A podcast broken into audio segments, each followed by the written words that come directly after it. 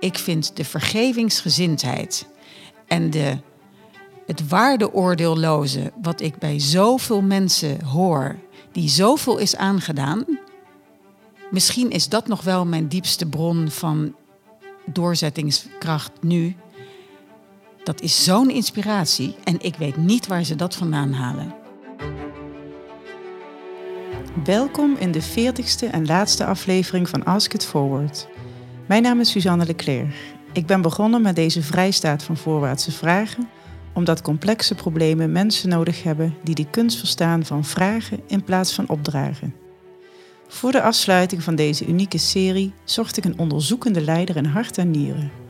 Iemand die vanuit een diep onderzoekende houding mensen en vragen in beweging brengt. Deze zoektocht duurde een seconde, want mijn hart springt direct op van prinses Laurentien. Zij inspireert me al jaren in de wijze waarop zij beweging veroorzaakt op grote thema's, zoals laaggeletterdheid, natuurbehoud en de toeslagenaffaire. Zij doet dit door dialoog mogelijk te maken voor alle betrokkenen die deel uitmaken van het systeem rondom een vraag. Geen quick fixes, maar werkelijk onderzoeken wat de kwestie nodig heeft en vanuit welke waarde er een oplossing kan worden gevonden. Ondanks haar enorme kennis en statuur leeft zij vanuit de houding van niet weten en stelt zij met de vrager de wijsheid van de ander en het collectief centraal. Petra Laurentien Brinkhorst werd geboren op 25 mei 1966 in Leiden, als dochter van Laurens Jan Brinkhorst en Jantien Heringa. Haar roepnaam was eerst Petra. Zij veranderde die als tiener in Laurentien. Haar middelbare school doorliep ze deels in Den Haag en later in Tokio. Ze studeerde geschiedenis aan de Universiteit Groningen, politieke wetenschappen in Londen en journalistiek aan de Universiteit van Californië, Berkeley. In 1995 krijgt ze een relatie met prins Constantijn van Oranje-Nassau. Ze verloven zich in 2000 en op 17 mei 2001 trouwen ze. Samen krijgen ze drie kinderen: dochter Eloïse, zoon Klaus Casimir en tweede dochter Leonore. Laurentien maakt zich al jaren sterk voor dialoog en co-creatie tussen verschillende spelers rondom een vraagstuk als basis voor het vinden van systemische oplossingen. In mei 2004 wordt op haar initiatief Stichting Lezen en Schrijven opgericht, met als doel het voorkomen en verminderen van laaggeletterdheid in Nederland. Van 2009 tot 2020 vervult ze de functie van speciaal gezant geletterdheid voor UNESCO, waarmee ze zich ook wereldwijd inzet voor deze problematiek. In 2009 richt ze Missing Chapter Foundation op, met als doel het stimuleren van dialoog tussen jongeren en besluitvormers. Dit mondt onder andere uit in de Raad van Kinderen, waar kinderen strategische dilemma's van bedrijven, maatschappelijke organisaties en overheden onderzoeken en hierbij adviseren. Ook duurzaamheid en natuurbehoud zijn onderwerpen waar Laurentien zich al jaren voor inzet.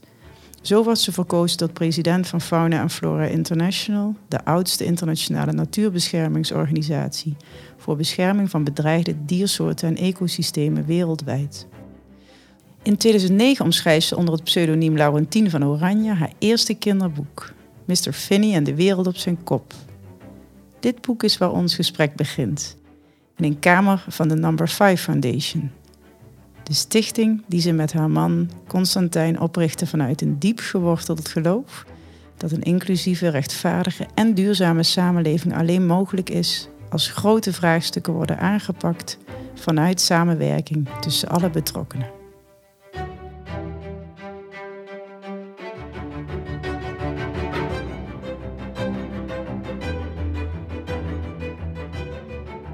Goed, nou, welkom Laurentien, mag ik zeggen, in je eigen ruimte. Klopt, klopt. Dat is fijn dat je er bent. Ja, dat vind ik ook. Ik heb erg uitgekeken naar deze ontmoeting. En door de jaren heen heb ik mijn, in mijn gedachten een eregalerij opgebouwd van mensen die mij ten diepste inspireren in hun eigen wijze waarop ze bijdragen aan grote vraagstukken in deze tijd, vanuit de dialogische grondhouding. En jij neemt in die gedachtegalerij een zeer prominente plek in. En je bent ook de vrouw die al op jonge leeftijd in het leven van mijn kinderen kwam, omdat Mr. Finney is het boek dat uh, het lievelingsboek van mijn kinderen werd. Ik heb drie dochters. En even voor de luisteraar, voor wie het niet kent. Meester Finney die uh, woont in een tuin en die heeft een vriend, Slak. En die zit dan onder uh, aan de boom vaak met hem te praten. En uh, dan heb je Pinky Pepper en dat is een klein glimsend beestje en die vliegt de wereld over. En die komt soms even langs bij meester Finney. En die vertelt hem over wat ze allemaal ziet gebeuren wereldwijd. Met de bosbranden, met de natuur, met de zee. En meester Finney raakt nieuwsgierig en gaat op reis. En hij komt erachter dat heel veel van wat hij ziet, dat hij dit niet op kan lossen. Althans, dat denkt hij. Maar in zijn vragen begint hij toch wat antwoorden tegen te komen. Dus met dit boek heb ik mijn kinderen de basis van dialoog kunnen bijbrengen. Dank daarvoor. En ik wil eigenlijk heel graag met jou vandaag een beetje een reis maken, als meester Finney heeft gedaan, over een vraag ja. die aan jou is gegeven. En die vraag is afkomstig van Tara Arts. Tara is 17, woont in Zutphen. En heeft in de afgelopen jaren, tussen haar twaalfde en zeventiende, elf keer uh, is zij opgenomen geweest in verband met uh, psychische ziekte. Uh, heeft heel veel behandelingen gehad en um, heeft een prachtig boekje geschreven, Opgesloten. Waarin ze um, eigenlijk deelt hoe onmogelijk het is om in een inrichting te zitten in Nederland. En wat zij daar vooral heeft gemist, is in verbinding blijven met mensen. Ze voelde zich niet gezien en niet gehoord. En met haar gedichten uh, omschrijft ze uh, dat gevoel in haar boekje. En haar vraag aan jou is: hoe kan dialoog ons helpen in verbinding te komen? Deze vraag wil ze heel graag aan jou stellen, Laurentien. Ja, en als je dat zo zegt, ja, zie ik Tara uh, voor me. al ken ik haar niet. wellicht kunnen we dat nog veranderen. Maar mijn gedachte zou zijn: dialoog is verbinding. En in Mr. Finney staat ergens een zin: als je vragen stelt, ben je nooit alleen. En eigenlijk is dialoog een proces van je nieuwsgierigheid de vrije loop laten. En dat doe je door vragen te formuleren naar jezelf, naar de ander. En waar ben je benieuwd naar? En dus dialoog gaat over verbinding. En het moment dat je weer nieuwsgierig bent naar wie ben je zelf of wie is de ander, um, en dat durf je uit te spreken, dan ontstaat er verbinding. Mr. Finney komt op antwoorden doordat hij steeds maar op reis blijft gaan en vragen blijft stellen en dan weer nieuwe antwoorden krijgt. En zo puzzelt hij eigenlijk zijn weg richting het antwoord op zijn oorspronkelijke vraag: waarom staat een vlag op de bodem van de zee? En dan komt uiteindelijk alles bij elkaar. De waarheid komt ook naar boven. En de waarheid is niet altijd fijn en prettig, maar dan weet je het wel. En dus ik zeg altijd: als je het op tafel legt, dan kun je er naar kijken en kun je het ook gaan oplossen. Hmm. En dus maak het onzichtbare ook zichtbaar. Mooi. Nou, dan hebben we hem al uh, in de kern te pakken. Maar we zijn er nog niet. Nee, we zoeken verder. En we gaan eens even verder zoeken. Want waar komt die waarheid vandaan bij meester Finney in zijn reis? Je Van anderen. Het is als een sprokkeltocht. En het is als puzzelen. En ik denk dat we heel erg door de samenleving en door de manier waarop we ons aan het organiseren zijn, willen we altijd en kant-klare oplossingen. We zijn bezig met transacties. Uh, ik heb een vraag, jij het antwoord. Maar wie weet is er wel een ander die net een ander antwoord wil geven, waardoor je net een beter beeld krijgt op wat dan de waarheid is. En wie bepaalt eigenlijk wat de waarheid is en welke ogen uh, kijk je daarnaar. Dus als je weggaat van het transactionele en je wil echt het weten, dan moet je de tijd nemen. Ik kom zo op het aspect tijd om te sprokkelen. Maar je gaat alleen door als je nieuwsgierig bent. En dan lijkt het dat dat heel veel tijd kost. En dat hoor ik heel vaak terug in de dingen die we doen. Ja, maar die tijd hebben we niet. Nou, daar heb je dan een hele mooi voorbeeld van David Boom. En die zegt: You can never solve a problem downstream. Als je aan de voorkant langer de tijd neemt, dieper snapt, wat is hier aan de hand? Je hebt alle lagen eh, heb je aangeraakt, je hebt alle perspectieven gebracht. Je blijft een beetje in die verwondering zitten, maar je hebt een soort saturatiepunt dat je denkt, nou, nu hebben we ongeveer het wel te pakken. Dan, dan daarna weet je dat je de stappen neemt op de goede manier, omdat je niet met allerlei blinde vlekken op pad bent gegaan. Nou, dus het is eigenlijk een hele ja, fijne sprokkelende manier. Maar dan moet je wel durven zoeken en durven sprokkelen. En niet al denken bij stap 2, ja, hebben we nou het antwoord al? Ja, nou ja, dus mooi. daar zit een soort rust ook in. Mooi, ja. Het, het, is heel inspirerend voor me. En ik, heb, ik wil van alles al uitpluizen in wat je zegt. En ik wil vooral in dit uur dat we hebben eh, op die vraag van Tara daar helemaal bij blijven. En dan zou ik eens willen kijken of jij misschien een kunstwerk hebt meegenomen of in gedachten hebt, um, die voor jou de kern raakt van haar vraag hoe we met dialoog of hoe dialoog kan helpen om in verbinding te komen. Heb je daarover nagedacht? Daar heb ik zeker over nagedacht. Ik vond het ook een hele mooie vraag trouwens. En het dwong mij natuurlijk ook weer om een beeld te zoeken bij, bij die essentie. En het is een beeld van een. Uh, het is een foto Um, heeft in 2013 de eerste prijs van Contemporary Issues van de World Press Foto gewonnen. Het is van een, uh, de fotograaf Mika Albert en het heet Dandora Damp. En wat je ziet is een vrouw op een vuilnisbelt in Kenia, in Nairobi. En zij zit te lezen. Dat is bevreemdend. Maar je raakt meteen eigenlijk nieuwsgierig, wat is haar verhaal?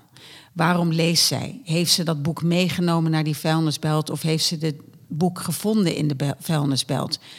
Is, is er in die vuilnisbelt, heeft ze misschien naar eten gezocht? Dus je bent eigenlijk nodig het je uit om te zoeken, maar zij is in totale verbinding met zichzelf. Zit zij in zo'n bevreemde omgeving te lezen in volle concentratie. Dus je ziet dan eigenlijk de verstilling van die verbinding waar dialoog dus heel erg over gaat. Hmm. Interessant, hè? Want ze zit dus in een ehm, omgeving waar je eigenlijk niet een boek verwacht. Is dat wat je zegt? Of wat is de vervreemding precies in het beeld? Is eigenlijk dat je geconfronteerd wordt met de verwachting dat dat boek er niet is, maar wie ben jij om eigenlijk te verwachten dat er geen boek ligt op een vuilnisbelt? Oh, mooi. Ja, dus, dus, dus je zegt eigenlijk, de uitnodiging is te onderzoeken hoe dat zit. Ja, maar ook bij jezelf af te vragen, want dat is die diepere laag. Hoezo verwacht jij geen boek op een vuilnisbelt? Ben jij wel ooit op een vuilnisbelt geweest? Waarom niet op een vuilnisbelt? En heb je misschien een mensbeeld waarop jij denkt joh, mevrouw, heb je niet iets beter te doen dan een boek te lezen op een vuilnisbelt? Terwijl je misschien. Dus je wordt constant eigenlijk geprikkeld om je eigen aannames tegen het licht te houden. En te onderzoeken, je noemt het uitpluizen net, te ontrafelen. Ja, en dat is denk ik waarom dat beeld zo ja, prikkelt eigenlijk. Mooi. En je ziet er ook verbinding in, zeg je. Ja, waar, hè, ze is alleen op die vuilnisbel, althans je ziet niemand anders. Waar, waar zie jij de verbinding in dit beeld? Ik zie eigenlijk de verbinding met, met kennis, met ik wil het weten, met haar onzichtbare nieuwsgierigheid naar ik wil iets weten, ik wil me verdiepen, ik wil misschien verbeelding krijgen. Maar ik zie ook wel dan weer voor wie doet ze dat? een aanname is dat ze gewoon daar zit te lezen. Maar misschien is het wel voor haar nichtje dat ze haar een vraag stelde. Dus zij wil het gaan zoeken. Dus ik voel ook dat zij een enorme kracht heeft om het iets te willen weten. En dialoog gaat denk ik ook heel erg, dat hoor je me misschien tussen de regels, of dat ben ik wel zeker van. Het gaat ook heel erg over het onzichtbare zichtbaar maken. Dus daar zie ik ja, allerlei verbindingen. Ik zie geen spoken, maar ik zie allerlei verbindingen omdat ik zo benieuwd ben naar haar verhaal. Mooi. Dankjewel. Luisteraars, we gaan dit beeld zeker delen in de link onder de podcast straks. Ik wil eens met je op zoek gaan, als dat mag, naar een, moment in jouw leven. En, uh, en neem rustig even tijd, want dat hebben we soms nodig daarvoor. Waarin jij hebt ervaren dat je bewoog van een situatie van ja, misschien onverbondenheid of een gevoel van onverbondenheid naar verbondenheid. En als dat even kan, ook nog met een aspect van dialoog erin. Ja. Ja, ja. een beeld dat, als je dit zo vraagt, uh, brengt me eigenlijk terug dat toen ik uh, tien of elf was, ik met mijn ouders met vakantie was in Frankrijk. En het gekke is, ik heb niet, ik heb niet hele sterke herinneringen, omdat ik denk ik heel erg mijn hersenen de hele tijd aan het opruimen ben en ik leef heel erg voorwaarts in het nu en vooruit. Dus ik heb nooit een wrok of ik, want ja, mijn hersenen slaan dat gewoon niet op of die ruimen dat op. Ik weet het niet helemaal. Maar toen ben ik teruggegaan, want dat, hier heb ik echt nog wel een heel sterk gevoel bij. Ik was 10, 11 jaar oud, we zaten in een restaurant en daar zat een, een uh, man in zijn eentje aan een tafel.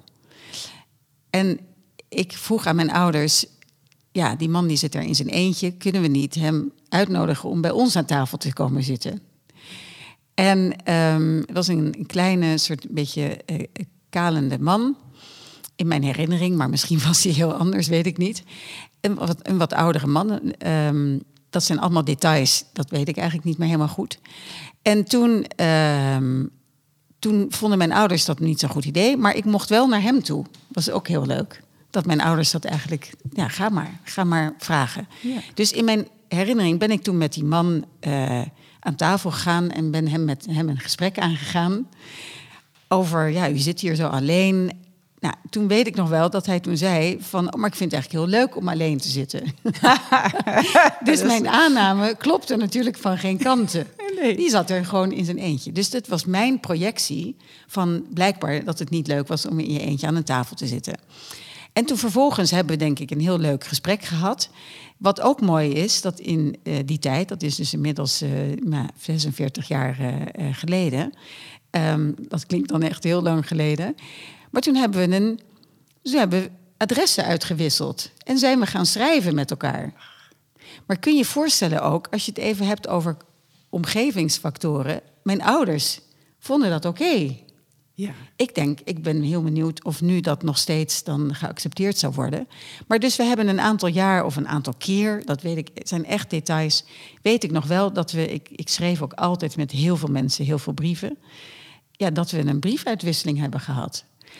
En dat was dus vanuit een wildvreemde situatie.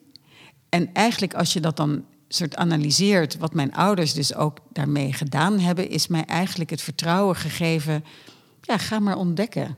En ik denk dat ik dat heel erg heb meegekregen vanuit huis. Ga maar ontdekken. Ja. Ik ben opgegroeid vanuit mensen die mij vertrouwden om de dingen te doen die ik moest doen. En uh, waren ook hartstikke streng. En gaven ook echt wel kaders. Maar ik denk dat dat misschien wel een beetje in me zit. Maar dit moment herinner ik me nog heel sterk. Wat mooi dat je. Hè, het is fascinerend altijd dat het door een vraag gaat er bij jou een luikje open. Hè? Ja. Naar een moment waar je mogelijk al jaren niet meer aan gedacht. Het is ook een ja, aanname. Ja, maar, ja, maar, klopt. Dus leuk is dat hoe dat uh, de werking van een vraag überhaupt. Hè? En, en wat ik mij afvraag is Kun je in dit voorbeeld herinneren uh, wanneer de verbinding ontstond? Want dat is niet vanzelfsprekend als je naar iemand toe gaat dat er verbinding ontstaat. Kun je dat nog terughalen? Ja, het, het mooie is dat je me na terugbrengt ook naar je verbeelding. En terug het, het beeld ook in je hersenen weer voor je ogen brengen. Dat is natuurlijk op het moment, denk ik, als ik dat zo terugdenk, op het moment dat ik hem zag. Dus dialoog gaat natuurlijk eigenlijk ook over: ik zie jou. En ik zie jou en met mijn aanname. En dan ga je eigenlijk naar iemand toe en ga je, word je geconfronteerd met jouw eigen aanname. Verbinding is er alleen maar volgens mij als ook degene die een stap zet, dan weer terug gaat naar ben ik degene die de goede stap zet? Stel ik de goede vraag? Dus weer even terug.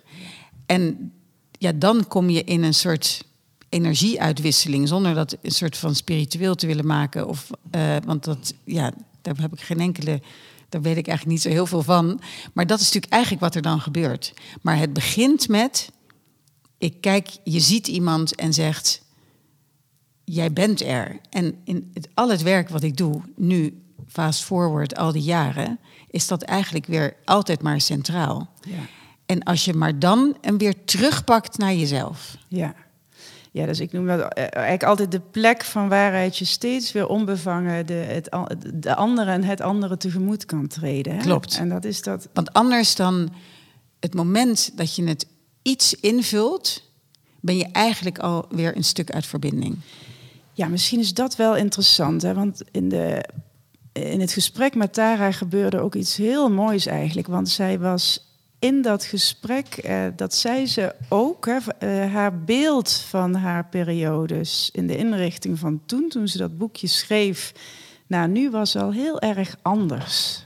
Met meer begrip voor wat er toen gebeurde dan toen ze daarin zat. En ze zegt bijvoorbeeld, ze heeft het over het ongelooflijke van camera-toezicht. Hm. En je hoort in het luisteren naar haar hoe, hoezeer ze het nodig had gehad om gezien te worden hm. als mens. Hm. Hè, in plaats van als patiënt of als iemand die daar om haar redenen zit. En dat raakte me omdat we, ik denk dat uh, een gevolg ook is wat je aanstipt. Maar ik ben wel benieuwd hoe je dat ziet. Van dat teruggaan naar die positie van onbevangenheid. Is dat het ook nodig is om bijna steeds weer het beeld dat we onszelf vormen, zeg je. Dat is ook vaak een beeld van iemand een rol toedichten of in een positie plaatsen. Waardoor we eigenlijk niet meer open het mens als geheel zien. herken jij dat? Heel erg, dat herken ik heel erg. En het gaat eigenlijk over de kracht van onwetendheid. Um, dus terug durven gaan naar ik weet het niet en ik snap het niet. Mhm. Dat is natuurlijk de kern van wat het kind zijn is. En, en ehm, dus dat is het mooie. Dan word je vervolgens word je altijd maar weer gezegd: je moet het weten, je moet het. Maar het moment dat je wil niet zeggen dat je het niet moet weten, maar het moment eigenlijk dat je zegt: nu snap ik het. Bijvoorbeeld het leven van een ander, dat kun je eigenlijk niet snappen. Maar we willen het snappen. Dus er zit ook een soort zorgvuldigheid van: oké, ik wil het weten, ik hoor het, ik heb gehoord wat je hebt gezegd. En dan wil je eigenlijk weer constateren: wauw, ik laat het helemaal binnenkomen. Je krijgt er beelden bij. En vervolgens moet je eigenlijk weer ook zeggen: maar ik snap het ook weer helemaal niet. Want ik, was er, het, ik heb het niet meegemaakt, ik heb het niet gevoeld. En ik voel het niet, nog steeds niet. Het zit in jouw lijf, het zit niet in mijn lijf.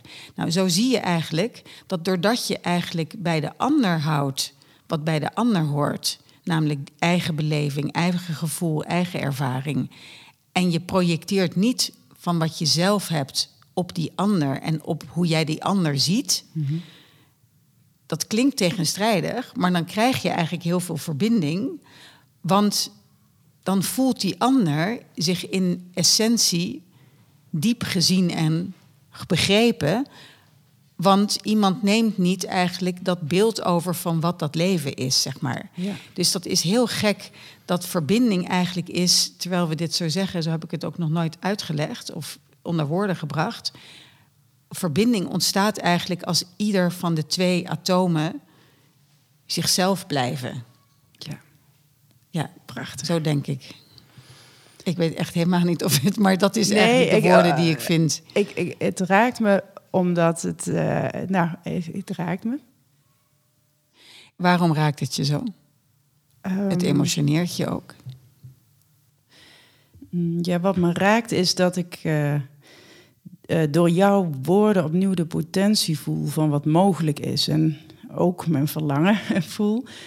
Um, waarom ik dag in dag uit al jarenlang mensen leer hoe je nieuwsgierig kunt zijn, uh, hoe je oordeel kunt uitstellen, dialoog mogelijk maakt. En um, ja, dat verlangen van waaruit ik dat doe, is een verlangen om de beweging te maken van verwijdering en conflict naar verbinding. En daar is nog veel, veel werk te doen voor ons allemaal. Maar het is wel te doen. Ik maak dat dagelijks mee. En um, ik, ja, jij geeft weer heel andere. En werpt gewoon een ander licht op, op hoe dat werkt. Dat is mooi. Mm. Ehm, ik doe me ook denken uh, aan iemand die dat zo prachtig laat zien. Dat wat je zegt over hè, die atomen en bij onszelf blijven, is Dia Khan in haar documentaire um, White Right Meeting the Enemy. Dus, uh, Dia is een um, uh, dochter van een Pakistaanse immigrant in Noorwegen. En zij was zes jaar oud toen ze met haar vader de eerste betoging tegen racisme bezocht. Um, en hij beloofde haar toen zij kind was dat uh, vooroordelen en onverdraagzaamheid snel verleden tijd zouden zijn. Want daar had, uh, had haar familie uh, heel veel last van en pijn van. Hmm. En nou ja, 30 jaar later is die belofte nog niet ingelost. Dan gaat zij in het werk dat ze maakt, um, gaat ze echt op zoek naar hoe, hoe het kan dat mensen in haat blijven voortgaan. En ze maakt dan deze documentaire, het is echt een reis van, ik geloof, twee of drie jaar. En ze interviewt allemaal leiders van de Ku Klux Klan en van andere extreemrechtse bewegingen in Amerika. Ze komt daar dus ook binnen. Het lukt haar om uh, bij een van de grootste leiders binnen te komen, waardoor deuren naar anderen ook open gaan. En haar hele houding in elk interview is zoals jij hem omschrijft. Ze blijft dus helemaal in haar, in de beste versie van zichzelf.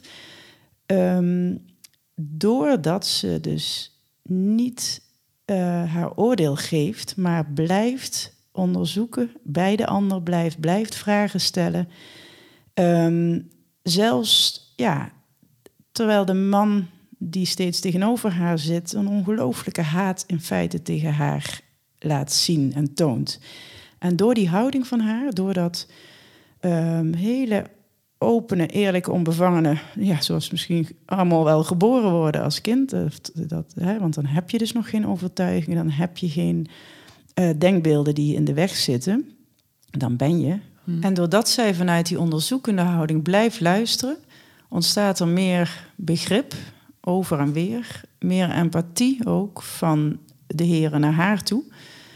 En meer verbinding. Er begint iets uh, ja, te ontstaan dat uiteindelijk leidt tot groot intern conflict um, bij een aantal mannen en het besluit om uit die ultrarechtse groepering te stappen. En als je die een aantal jaren uh, later uh, wordt geïnterviewd, zitten tussen twee voormalige leiders, die dus uit een beweging zijn gestapt. En um, dan zegt ze iets dat ik niet meer vergeet. En dat is, je kan makkelijk je waarden zoals respect naleven ten overstaan van mensen die je mag. Hmm. Maar het komt erop aan wat je kiest te doen wanneer je tegenover mensen komt te staan die je niet mag of waarvan je vindt dat ze jouw waarde niet verdienen. Het klinkt echt ongelooflijk uh, bijzonder wat ze gedaan heeft. Want ze heeft dus, als ik dat zo dan inbeeld en probeer woorden te geven, ik zie dan dat zij eigenlijk wat zij deden en is on, onmenselijk. Dus wat ze volgens mij gedaan heeft, is is op zoek gegaan naar de mens achter die witte kappen. Want die witte kappen weer brachten mensen, ja, zorgden ervoor dat ze zich onmenselijk gedroegen en onmenselijke dingen deden zonder enige menswaardige menswaardigheid. En nou, dat is natuurlijk een enorme grote stap, omdat we al snel een waardeoordeel daarover hebben, over die acties terecht. En in feite ja, heeft ze ontmaskerd, letterlijk, dat dat, dat gedrag on, onmenselijk is. Ja. Maar toch op zoek gaan naar die mens daarachter. Ja, dat is ja, wel heel en dat bijzonder. deed ze door steeds helemaal als mens. De, je ziet er dan ook zitten in die. Uh, ze gaat op die stoel zitten tegenover zo'n man. En je ziet bijna het proces van buitenaf, dat zij weer zichzelf als mens helemaal open, onbevangen, niet wetend ten opzichte van die ander plaatst. Hadden, dan, hadden die men, mannen hun kappen af? Die hadden ze af. En je ziet op een gegeven moment in een interview, ik zal dat je sturen naar de hand als je het wil. En ik zat ook de luisteraars de link sturen waarin je dat in drie minuten ziet gebeuren. Dat zij dus vraagt, ze stelt alleen maar vragen. Ja. Totdat een uh, van de uh, heren tegenover haar empathie en sympathie voor haar begint te voelen. Door haar uitblijvende oordeel. Ja. En op een gegeven moment raakt hij helemaal in de war en zegt hij letterlijk: ik, Sorry, ik, ik, ik, kan niet meer door, want het doet pijn in mijn hoofd. Ik, ik raak in de war. Ja. En eigenlijk is dat volgens mij waar David Boom het over had. Ja. Dat thought is a process we should pay attention to.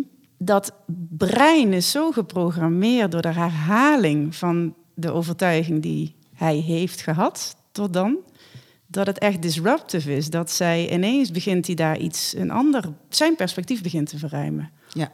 Op de doelgroep die tegenover hem zit, waar hij de haat op heeft gehad. Ja. En uiteindelijk maakt dat dus dat er een hele hoop mensen uit zijn gestroomd. Ja, en eigenlijk wat ik je hoor zeggen ook, dat is eigenlijk de, de neuroplasticiteit, wat mijn dierbare vriendin Margriet Sitskoorn uh, altijd uitlegt, is je leert alleen door er aan blootgesteld te worden. Dus het klinkt alsof letterlijk een fysieke ervaring was van nieuwe vragen, dat die vragen eigenlijk die hersenen totaal in een soort van verwarring brachten. En, en in een volledig lerende stand en uit een soort groef kwam. Uh, en dat is wat er natuurlijk gebeurt. Doordat je wordt blootgesteld aan nieuwe perspectieven. Zo werken de hersenen ook echt daadwerkelijk. En ja, dat zie je ook in dialoog, zie je dat dus gebeuren dat mensen dus nieuwe inzichten krijgen die ze nog nooit hebben gehoord, onder woorden hebben uh, horen zien uh, brengen. Uh, mensen met volledig andere leefsituaties, um, andere levenservaringen. En als je die diversiteit van perspectieven dus bij elkaar brengt, dat kan alleen door en de goede vragen te stellen en door die gelijkwaardigheid van perspectieven te faciliteren en mogelijk te maken. En die ruimte eigenlijk daarvoor te, te creëren. Letterlijk wat uh, David Boom ook zegt in zijn uh, On Dialogue. Ja, dan ontstaat er dus iets waanzinnigs. En het interessante is, je ziet natuurlijk de ene die ontvangt het met open armen, waar de hersenen en het hart open staat. En met de ander is het ontzettend hardnekkig. En dat is oké, maar dan weet je alleen, sommige mensen hebben dan een ervaring zeggen: Oh ja, een moeilijk gesprek. Ja, een moeilijk gesprek is voor mij een succes. Ja.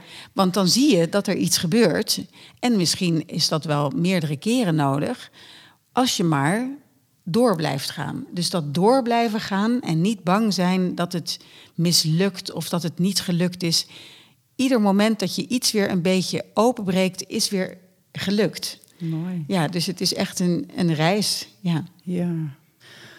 Vaak in eerste instantie ervaar ik ook die moeilijkheid van mensen. Die vinden het, de zwaarte die ze er ook in voelen. Zou dat te maken hebben met wat er dan in dat brein gebeurt, denk je? Hoe, hoe zie je? Ik denk zeker. En ik denk dat het eigenlijk het patroon dat ik observeer, is dat het moment dat mensen hun ego als soort ruis op de lijn, dat die niet daar overheen komen, dat die dus eigenlijk blijven hangen in het ego, dan ontstaat er ruis op de lijn. Want het moment dat je je ego voor je trommelvliezen zet, hoor je het eigenlijk weer andere dingen. Ja.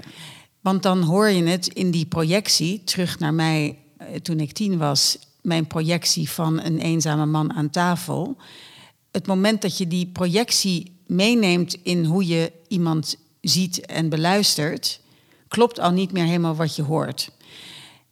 Dus dat zie ik gebeuren.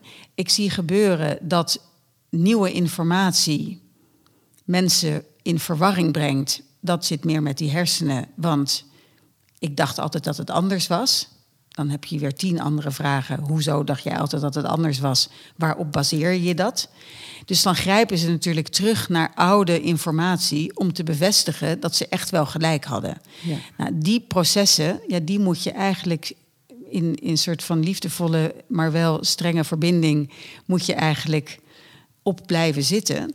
Maar ook zeggen, dus je moet eigenlijk in dialoog, dat klinkt ook weer tegenstrijdig, moet je spanning, uh, moet je soort schuren is een, is, een, is een signaal van een succes. Want dan gebeurt er iets. Dus dat moet je niet schuwen. Mhm.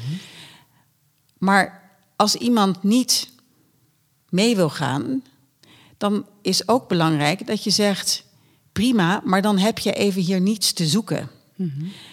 Heel vaak denk ik dat ik denk dat waar ik me misschien mijn frustratie zit hem erin dat we het woord dialoog volledig misbruiken om eigenlijk dat, ja, dat we misbruiken het voor allerlei. Ik denk negen van de tien keer dat we het hebben over maatschappelijke dialoog, dat is helemaal geen dialoog.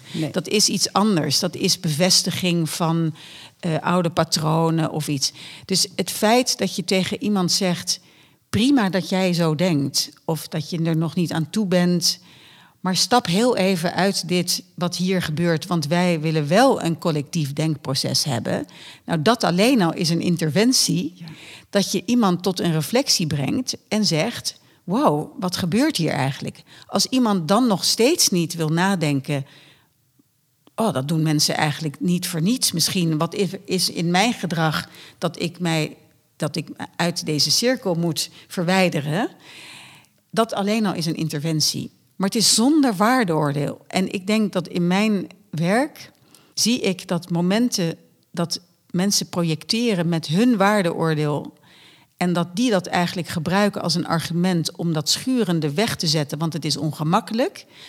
Ja, dat is eigenlijk waar ik gewoon constant maar in verbinding moet blijven met mensen om te zeggen: oké, en dat is soms echt gekmakend. Het is soms echt gekmakend hoeveel je moet doorstappen om, om ja, niet weggezet te worden met allerlei oneigenlijke argumenten. Ja.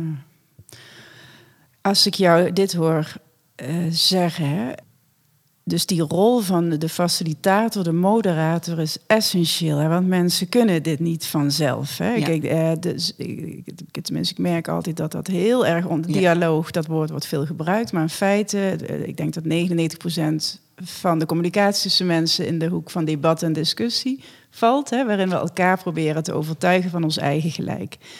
Ik geloof dat Noelle Aarts of Elke Wis ooit zei, het is ook onderzocht dat uh, als je je eigen gelijk hebben we nodig om in te geloven, denken. Dat is gebaseerd op oude verhalen en, oude ervaringen. Daar ontlenen we onze overtuiging aan. Uh, op het moment dat er iemand komt die daar echt een andere perspectief, zeg ik liever dan altijd dan waarheid, ja, hè, naast ja, dan schijnt het net zo pijn te doen als een klap in je gezicht. Zo, uh, zo pijnlijk is het voor mensen. Wow, uh, om, nee, dus het is echt uh, fysieke pijn. Van, dus ja, het werk is denk ik ook heel erg mensen voorbereiden op dat dat gaat gebeuren. En dan kijken hoe ver ze daar ook in kunnen komen. Hè? Want het vraagt ook echt wel iets. Eh, ik heb altijd zeer veel respect voor mensen die in de werkelijke dialoog stappen met een onderzoekende mm houding. Maar dan kijk ik bijvoorbeeld, ik weet niet of je daar iets over kan zeggen. En, en ik hoor je graag als het niet zo is. Maar ik droom al heel lang van een Tweede Kamer die op dialoog les gaat. Omdat uh, als ik het, orde, het reglement van orde lees, dan staat daar bijvoorbeeld niks in over principes. Hè? Hoe gaan we met elkaar om? En, en ja, jij laat ons zien eigenlijk in alles wat je doet, maar nu helemaal. Dus misschien kunnen we daar nog eens even naar kijken. Wat de opbrengst kan zijn als je een ruimte voor levend onderzoek maakt of dialoog dat laat je ons nu zien met alle mensen die je hebt uitgenodigd in dialoog over de toeslagenaffaire. En dit is toch echt een heel ander proces dan wij gemiddeld genomen eh, doorlopen. En ook op de plekken waar de grootste, meest complexe vragen liggen voor het land, voor mensen, in de politiek. Dus ik wil heel graag, en dat aanbod ga ik ook doen, heel graag een keer de leden van de Tweede Kamer meenemen in hoe je dialoog kunt voeren. Al is het als oefening een keer bij een complex vraagstuk. Kun je ons vertellen voor de luisteraars die het nog niet gelezen of gehoord hebben, wat nou in essentie echt het andere is wat je hebt gedaan met de mensen die je hebt laten mee onderzoeken uh, naar de oplossing voor de toeslagenaffaire en in hoeverre dat verschilt van wat er tot dan toe gebeurd was? Ja, ik zal proberen dat in, in onderdelen uh, toe te lichten. Het is eigenlijk terug naar David Boom. Je kunt een probleem nooit downstream oplossen. Dus er is altijd een bron. Die bron, terug naar de lezende schrijver op de vuilnisbelt. De bron zijn de mensen om wie het gaat. Die zijn de enigen die de kennis hebben, die het gevoel hebben, die de ervaringen hebben. Dus je begint, en niet alleen je begint, maar constant bewaak je dat dat de bron blijft.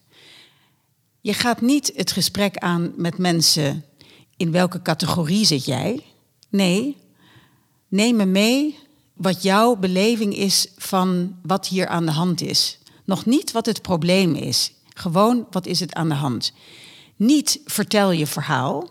Nee, neem ons mee, neem mij mee in jouw wereld. In, en vanuit volledige waardeoordeelloosheid en volledige onwetendheid over, vanuit ik weet het niet. Dus ik hou mezelf volledig buiten enige projectie. Mijn oren zijn constant, en dat is eigenlijk wat er gebeurd is. En ik heb ze niet uitgenodigd voor dialoog. Zij hebben mij gevraagd om de ruimte voor dialoog te creëren. Ontzettend belangrijk. Dus zij wilden die plek hebben. Zij wilden dat ik mensen ging verbinden die elkaar niet snapten. Namelijk ouders die elkaar eigenlijk kapot maakten via social media die misschien zich niet realiseerden dat zij eigenlijk in een soort verdeel- en heersspel terecht waren gekomen. Ik laat nog buiten beschouwing hoe dat ontstond, is een ander hoofdstuk. Maar dat is hoe het begon. En als je constant denkt, oh, allemaal puzzelstukjes, oh, dan ga je langzamerhand snappen. En het begin was eigenlijk bij de kinderen en de jongeren, dus nog voordat de ouders bij mij kwamen. En die gaven me alle inzichten die je nodig hebt om langzamerhand die puzzel te leggen. Het gaat niet alleen om geld. Geld gaat niks oplossen. Het gaat om eigen regie. Vertel, eigen regie. Ik weet dat niet wat het is om je eigen regie over je leven te verliezen. Dus je pakt eigenlijk al die woorden die mensen vertellen, pak je uit en snapt Oh, maar bedoel je dat of bedoel je nou dat? Dus langzamerhand teken je letterlijk dat beeld. Ik heb 17 sessies van vier uur lang met kinderen en jongeren gedaan aan het begin. Als ik nu na duizenden bladzijden aantekeningen terugkijk naar toen, gaven ze toen al alle woorden en concepten en elementen die nu in de aanpak zitten. En dat zit erin, eigenlijk, zie ons, dat is dan mijn vertaling, want ik ben dan dus, ik vertaal door wat ik allemaal hoor. En doemt een beeld op. Oh, maar wacht even. Zij waren andere mensen dan we ervan, ervan geworden is. Ze zijn slachtoffer geworden, maar ze waren mensen met normale levens, met verjaardagen, met levens, met werk, met dromen. Maar die zijn stopgezet. Die zijn gebroken. Die verbinding is stopgezet doordat die brief op de bus is gekomen. En zo puzzel je eigenlijk dat je weer nadenkt en weer terug naar de bron. Oké, maar wat zou dan helpen? En zo bouw je eigenlijk wat dan wordt genoemd een herstelproces. Maar dat is eigenlijk een woord wat een concept is op basis van de inzichten die constant worden gegeven door de ouders en de kinderen en de jongeren zelf. En dat is eigenlijk het enige wat ik gedaan heb. Het lastige in deze aanpak is dat het systeem vindt een eenduidige stem die die klap in dat gezicht is, heel ingewikkeld. Want dan wordt de klap heel. Die heeft een impact. Die zorgt ervoor dat er echt een wezenlijk ander beeld is van de mensen om wie het gaat. Dus die klap is heel hard. En dat is ook wat ik drie jaar lang ervaren heb. Dat dat heel ingewikkeld is om die nieuwe logica eigenlijk te ontvangen. Mhm. Maar inmiddels zijn we dus zover dat we dan eigenlijk allemaal mensen op ons pad hebben meegenomen. Tweede Kamerleden, ombudsman, kinderombudsman, um, letselschade-experts, ehm, eh, accountants. Allemaal mensen die al die puzzelstukjes hebben. Constant terug naar die bron.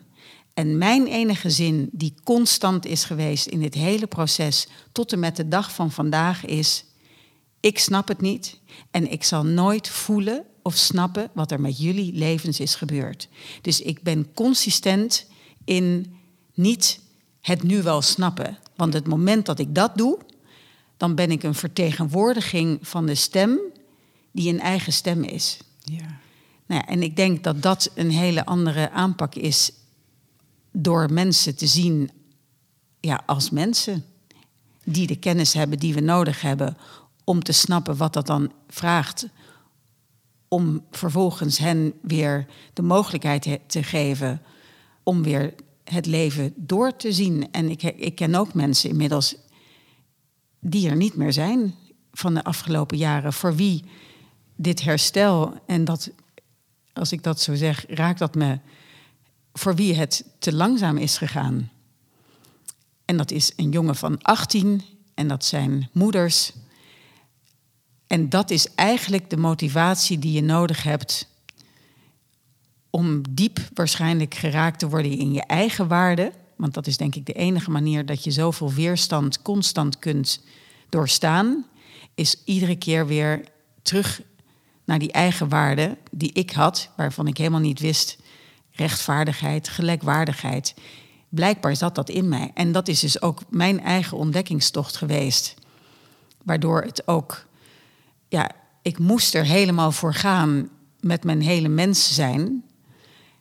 Ja, en, en dat, doet dus, ja, dat is dus ook voor mij een enorme ontdekkingstocht. Dus de ouders en de kinderen en de jongeren die mij hebben toegelaten in hun uh, ellende en, en, en doorzettingskracht, um, ja, hebben mijn leven ook verrijkt. Want, uh, en doen dat nog iedere dag. Ik wist niet dat vertrouwen, dat was een aanname, dat dat de basis is.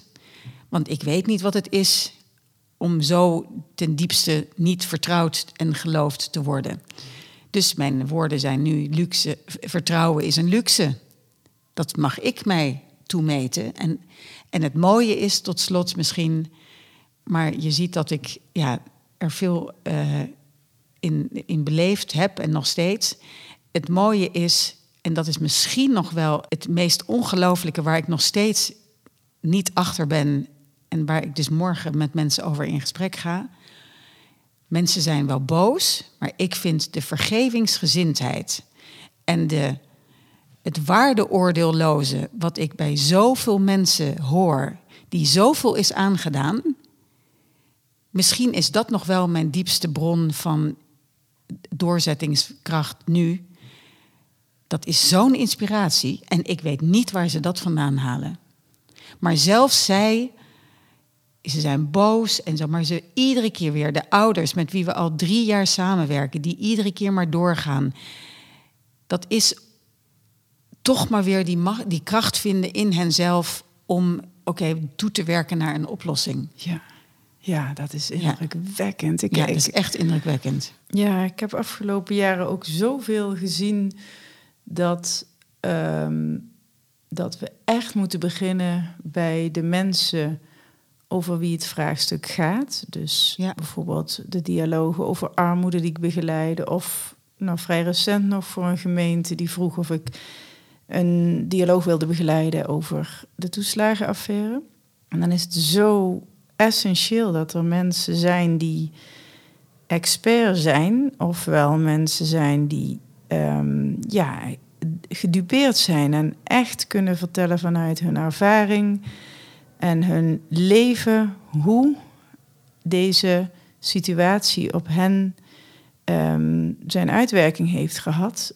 En ons eigenlijk en de rest van de groep, dus dat waren ambtenaren, raadsleden, stakeholders van een gemeente, om, om mensen ook te helpen zich voor zover mogelijk te, enigszins te verplaatsen in de gebeurtenissen en de impact van die verschillende, die vele verschillende momenten die die deze mensen ervaren hebben. Ehm, dus in dit geval kwam, uh, interviewde ik twee mensen. Onder andere Roger Derks kwam. En ja, zij, de waarde van het verhaal dat hij vertelt over de hele specifieke momenten in al die jaren waarin hij de ambtenaren ontmoette, of juist niet, waar hij dat nodig had gehad, dat maakt dat zo'n vraagstuk echt gaat leven, dat mensen zich van mens tot mens gaan verhouden ook tot de problematiek. Ja. Maar het is ongelooflijk belangrijk om daarin dus heel goed na te denken over hoe voeren we dit gesprek en ook met wie voeren we dit gesprek. En wat ik er zo ongelooflijk helpend aan vind, um, en wat jij dus doet en ons laat zien opschaal en op deze manier, is dat je als je het hele systeem in de whole system in the room haalt, je hebt dat dus Ja. ook met allemaal vakmensen gedaan, dat het lijkt ingewikkeld, maar ik, ik, ik hoor je ook zeggen dat je alleen maar blij, bent blijven vragen en dat mensen zelf, daar komt de essentie dus vandaan. En dan is dus eigen regie nemen, heb ik je in een interview Ja. horen zeggen. Eigenlijk is dat de basis geworden van de oplossingsrichting die Ja. er nu ligt. Hè? Ja, eigen regie staat centraal. En ik denk dus terug naar ontrafelen. Ook het soort van baanbrekende was, is denk ik dat we terug zijn gegaan naar wie was je voor de toeslagenaffaire. Want dat is terug wat ik zei, dat is wanneer mensen mens waren. En dat is eigenlijk waar we maar niet kwamen. Want daar relateren mensen aan dat er een leven was ervoor en erna. Maar het systeem ziet alleen maar het leven daarna. Want dat is natuurlijk het hele probleem, dat voor de, daarvoor mensen juist niet gezien werden.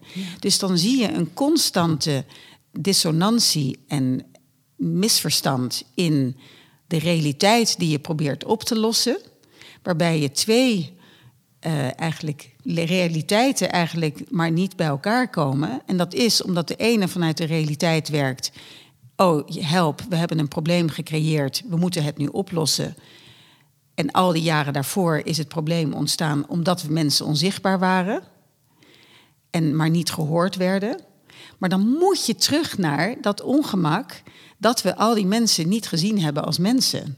Want anders hadden we ze wel eerder geholpen. En dan was het probleem niet ontstaan. Ja. Nou, en dus die cirkel moet je eigenlijk doorbreken. En dat zit hem er dus in dat je andere vragen stelt over andere momenten, over andere datapunten in iemands leven, om te snappen wat is jou aangedaan, gerelateerd aan hoe jouw leven was toen je mens was. En met dat verhaal ben ik naar eh, twee verzekeraars, naar Achmea en Egon gegaan en gezegd: hoe zouden jullie dit oplossen? Zij zijn letselschade-experts. Zij weten wat er gebeurt voor en na een ongeluk. Dus met die ja, theory of change eigenlijk ben ik met hen in gesprek gegaan.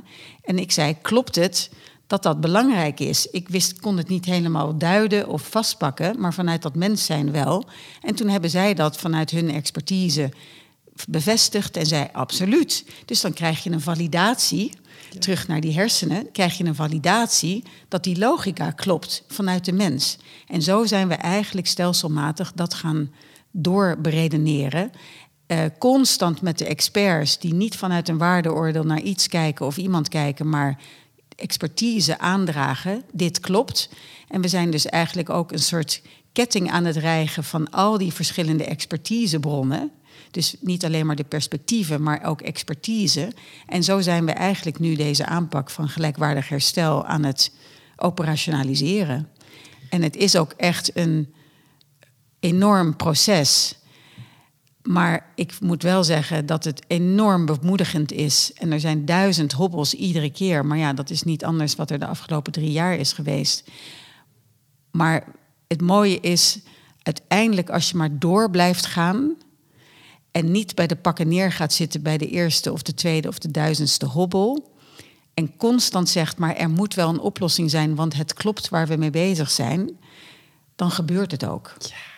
Ja, super. Nou, als er iets is wat wij met de Curiosity Collective kunnen doen, we zijn met heel veel dialoogbegeleiders verenigd met kunstenaars, laat het weten. Want Nou, wij zijn eigenlijk op zoek naar allemaal mensen, duizenden in de samenleving, Ja.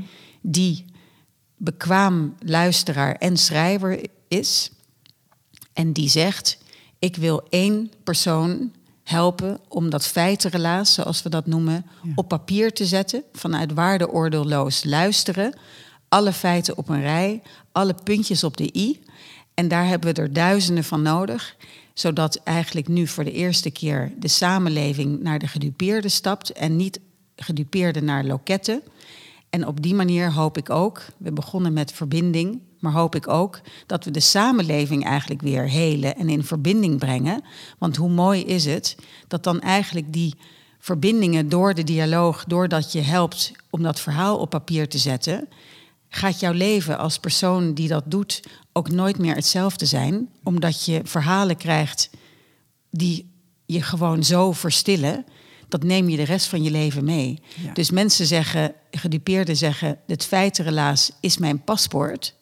Maar hetzelfde geldt voor de luisteraar, want die krijgt ook eigenlijk nieuwe paspoorten voor hoe we, ja, wat er gebeurt met mensen als ze tussen de mangel worden genomen. Ja, en ook die... Nou, bij deze ga ik persoonlijk alles in het werk stellen in mijn netwerk om deze boodschap te verspreiden. En ik denk dat je, nou, dus, dus we hebben het daarna nog wel even over waar mensen zich kunnen aanmelden. En ik bij deze heel Fantastisch, graag. Ja, fantastisch. super. Dank je wel.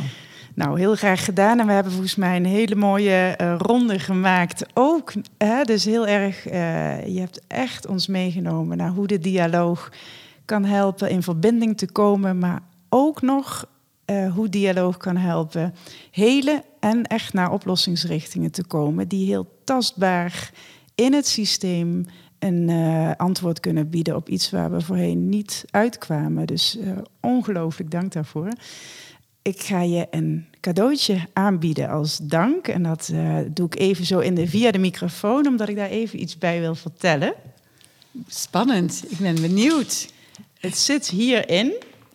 Misschien, ja, je ik mag het openmaken. Ja, zeker. Knisper, knisper. Knisper, knisper, lekker in die Ja. microfoon. Vertel, wat is het verhaal? Ja, het is eigenlijk heel leuk als we het... ehm, ik zal hem even, als je hem eruit pakt. Want ik weet dat je ook van kunst houdt. En we hebben heel veel ook niet kunnen aanraken. Maar ook dat je... eh, nou, de rol van kunst en dialoog is Ja. er ook één die, eh, ja, die heel werkend kan zijn om mensen op alle lagen te raken. En dit is een zeepje van, eh, dat heet Come Clean van Wiki Somers en Dylan van den Berg. Dat zijn twee designers. En dat zeepje staat voor eerlijk bekennen. En als je met deze zeep je handen gaat wassen, dan komt er een heerlijke bloemengeur van af. Maar dan, ehm, eh, dan gaat er langzaam een vorm transformeren. Dus je krijgt, de vorm wordt anders van het zeepje. En wat er straks tevoorschijn gaat komen, ja, ik moet het eigenlijk niet verklappen, maar het is dus een koe. En daarin zit een porseleinen koninklijke leeuw van Delsblauw. Wauw. En de gedachte Spannend. is dat als wij maar genoeg onze handen wassen in eerlijk bekennen, eerlijk contact, dan kunnen we transformeren naar een nieuwe vorm. Dus ik hoop dat je ervan geniet en eh, dat iedereen die hier komt handen met het zeepje mag wassen. Fantastisch. Daar gaan we zeker misschien hier eh, mensen, denk ik, voor inspireren. En, en terug even nog naar kunst. Ehm, in de ruimtes die we creëren, dus bij number 5 in Den Haag en number 90 in Almere en hopelijk ook in deze oplossing met de toeslagenaffaire, zitten ook nadrukkelijk allerlei andere neutrale plekken die wij zelf ook willen nou ja, vormgeven. Is kunst een hele belangrijk element om mensen aan te zetten tot verbeelding en iets anders denken. En dat doen we ook in allerlei werkvormen. Dus eh, ik vind het echt fantastisch wat je doet. Ik weet zeker dat we nog niet zijn uitgepraat. En dan heb ik heel erg veel bewondering voor, nou ja, voor de manier waarop jij eigenlijk ook woorden weergeeft aan, eh, aan dialoog. Dus dank je wel voor dit eh, gesprek ook. Mm, Dank je wel, Laurentien. Ja, en dan sluiten we Ask It Forward altijd af met een vraag die mijn gast doorgeeft aan zijn of haar opvolger in de serie. Alleen dit keer is die er niet, want de serie houdt op. Dus ik wil jou vragen of jij wil afsluiten met een vraag die je hebt aan alle luisteraars in Nederland. Komt er dan iets in je op? En als ik je overval, dan Ja, ik, ik, eh, terwijl ik, ik zit te luisteren. ehm, en dat is eigenlijk uit mijn eigen nieuwsgierigheid. Ik verbeeld nu, ik doe mijn ogen dicht en ik zie alle luisteraars. En ik ben gewoon heel benieuwd naar ieder van jullie. Waar ben jij benieuwd naar? Dankjewel.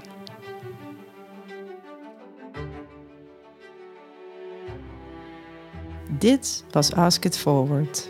Gestart tijdens de eerste corona-lockdown, omdat ik zocht naar antwoord op de vraag: wat maakt de leider in tijden van crisis? We worden allemaal nieuwsgierig geboren, maar onze wereld van verwondering wordt systematisch tegengewerkt vanaf onze prille jeugd. Wie het weet mag het zeggen, leren we op school. En meten is weten, zo luidt de stille stelregel op de werkvloer. Maar wat nou als dat weten voor een stevig deel voortkomt uit de aannames, overtuigingen en oordelen die ons brein vormt? Gewoon vanuit de ervaringen die we meemaken. En de hardnekkige biologie van ons neurale dopaminecircuit maakt dat we dat weten alsmaar blijven herhalen. Dit is waarom we oude gedachten blijven herhalen en voortdurend zoeken naar onze eigen gelijk. Dit is ook hoe het komt dat we wel zien dat we moeten veranderen, maar niet in actie komen. En dat terwijl de problemen waar we voor staan nieuw denken en nieuw voelen nodig hebben. Hieraan wil ik met de Curiosity Collective deze podcast en al het werk dat wij doen bijdragen. Omdat niet het antwoord, maar de vraag ons zal leren. Ik hoop ten diepste dat deze serie jou als luisteraar geïnspireerd en verwonderd heeft. En je de vraag van Laurentien, waar ben ik benieuwd naar, tot leven gaat wekken. Op jouw eigen onderzoekende manier. Dankjewel.